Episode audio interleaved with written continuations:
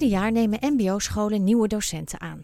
Sommige van hen worden goed begeleid in de wittebroodsweken, maar anderen ontvangen de benodigde boeken en worden verder min of meer aan hun lot overgelaten.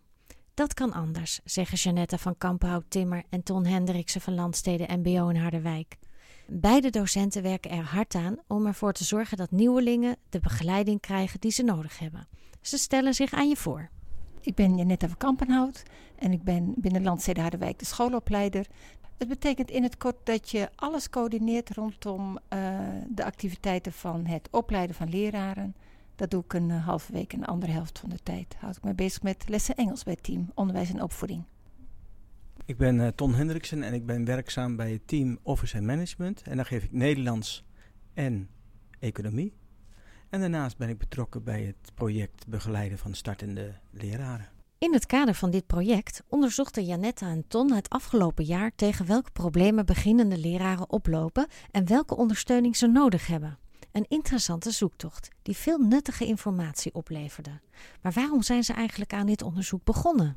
De belangrijkste reden is dat uh, mensen uh, jarenlang hebben uh, gewerkt aan een opleiding tot leraar en dan in dat beroep terechtkomen en dan toch na een jaar of drie vaststellen dat het niet het beroep is zoals ze zich dat hadden voorgesteld. En dat maakte dat je, dan wil je een onderzoek doen naar um, uh, dat feit. Hoe komt het dat mensen uitvallen? Het antwoord op de vraag op het waarom van de uitval van nieuwe docenten is natuurlijk niet 1, 2, 3 gegeven. Wel is duidelijk dat de huidige lerarenopleidingen niet altijd in staat zijn om hun studenten goed voor te bereiden op het beroepsonderwijs. Het is zo dat die lerarenopleiding, dat iets wat ons natuurlijk al jaren opvalt, die focust vooral op de leraar zoals we die kennen, onderbouw HAVO. Dus je wordt uh, goed in je vak, je wordt echt expert in je vak en je leert wat algemene didactische pedagogische vaardigheden. Um, en um, dat is eigenlijk main course, mainstream bij de leraaropleiding. Dan uh, word je leraar bij het MBO en dan merk je toch dat bepaalde aspecten van dat beroep van leraar anders uitpakken. Um, en wij willen graag uh, invloed uitoefenen op de leraaropleiding, zodat zij voor het beroepsonderwijs, uh, dat de leraaropleiding daar ook meer aandacht aan gaat besteden. Maar welke aspecten van het docent zijn in het MBO pakken dan zo anders uit? Wat dan maakt dat het zo anders is, is dat wij natuurlijk uh, opleiden. Iemand die ook uh, deels in het werkveld al uh, ontwikkelt. Dus al onze studenten gaan op stage. Um, ik ben leraar Nederlands en Engels en ik heb dat jaren geleden op een leraaropleiding gedaan. Ik heb nooit het gesprek gevoerd met een externe partner. Ik heb nooit in een rollenspel geleerd hoe ik nou bij een verzekeringsbank het gesprek over die student moet voeren. dus dat heb ik op een andere manier geleerd. Um, als je coach bent, dat is een beetje de mentorrol van onderbouw HAVO, is dat vaak toch een andere. Ten eerste omdat die student hier uh, tussen de 16 en nou, 21 is. Dat is een belangrijke fase in de levens van die jonge mensen. Je hebt een ander type gesprek uh, met, ja, als er al ouders meekomen met die 18, 19-jarigen. En je hebt een ander gesprek met die student zelf, die misschien een hele andere vraag heeft dan ik uh, sta onvoldoende voor Nederlands en hoe wordt dat nou voldoende. Daar komt ook nog bij kijken dat het onderwijs verandert. Waar je in vervlogen tijden dezelfde les Engels zes keer kon geven omdat je zes parallelklassen had, werk je nu in projecten met verschillende collega's van andere vakken. En dat maakt dat je als docent op het MBO een beetje een duizendpoot moet zijn. Het scheelt een heel stuk als je flexibel bent en als je snel kunt schakelen. Dat is want hè, in, in de loop van de tijd heb ik ook wel mensen uh, gezien die hebben gekozen om uh, het uh, MBO te verlaten. En het waren ook mensen die inderdaad zeiden: Nou, ik ben gewoon echt wel een, een vakdocent en ik wil daar de verdieping in. En die, die konden dat minder goed opbrengen. En die keuze is het natuurlijk om dan uh, veel meer in je vak alleen bezig te zijn. Maar inderdaad, je moet snel kunnen schakelen. Je moet je, uh, je, moet je flexibel kunnen opstellen. Helder. Lesgeven in het beroepsonderwijs vergt andere kwaliteiten en is een bredere aangelegenheid dan wanneer je als vakdocent lesgeeft aan HAVO-leerlingen. Daar ligt inderdaad een schone taak voor de leraaropleidingen. Maar hoe kunnen MBO-scholen zelfstartende docenten beter ondersteunen? Jeannette Anton verdiepte zich daarvoor eerst in de zaken waar nieuwelingen tegenaan liepen en deden verbazingwekkende ontdekkingen. Ja, tot je verbazing, hè? Hebben wij verhalen gehoord dat mensen overal zelf achteraan moesten. Op de innovatiedag hebben wij dit in een workshop gegeven. En kwam iemand vanuit het ziekenhuis. En zei, nou daar ben ik zo gewend. Eerst een paar weken al die protocollen kennen. Eerst mailen, weten waar de afdeling is. En hier ben ik zelf op een gegeven moment door het gebouw gaan lopen op zoek naar, wat was het, Centrale ICT-dienst. Waar vind ik een laptop? Dus het was wel schrijnend dat uh, de, de, aannames die er zijn over uh, die nieuwe collega, uh, dat die zich wel redt en dat hij wel met vragen zal komen, dat je daar knap in kunt vergissen. Het is ook als je die nieuweling vraagt van, hé, hey, maar is het dan dat je niet durft te vragen? Maar het is ja, ook een logisch antwoord dat hij zegt: Ja, die eerste week, iedereen is echt zo druk met het opstarten van het jaar. Je wilt niet elke dag weer een uur vragen stellen of elk kwartier weer bij iemand aansluit, mag ik eens meekijken. Dus dat moet je regelen. Logisch, inderdaad. Waarom vindt dat warme welkom tot nu toe niet altijd plaats? Ik las ook ergens dat het leraar eigen is om te denken: ik heb die tijd ook gehad. Daar word je groot van. ja, die, die, die teams die uh, opereren wat dat betreft uh, vrij autonoom. En in het ene team uh, zijn ze er heel erg van bewust dat als er nieuwe mensen binnenkomen, dat ze denken van, oh ja, ehm, daar hebben we gewoon een aantal stappen in te maken. En, en een ander team ehm, heeft zoiets van, nou, we gooien die mensen in het diepe en die, en die zoeken het zelf maar uit, omdat ze zelf heel erg druk zijn. Ton en ik werken hier al jaren. En ook voor ons is de eerste opstart van het jaar elke, elke keer veel werk, veel nieuwigheid. Dus wij zitten zelf ook bijna nooit in een flow van, nou, het ging in september zo, grote kans dat het september volgend jaar ook zo gaat.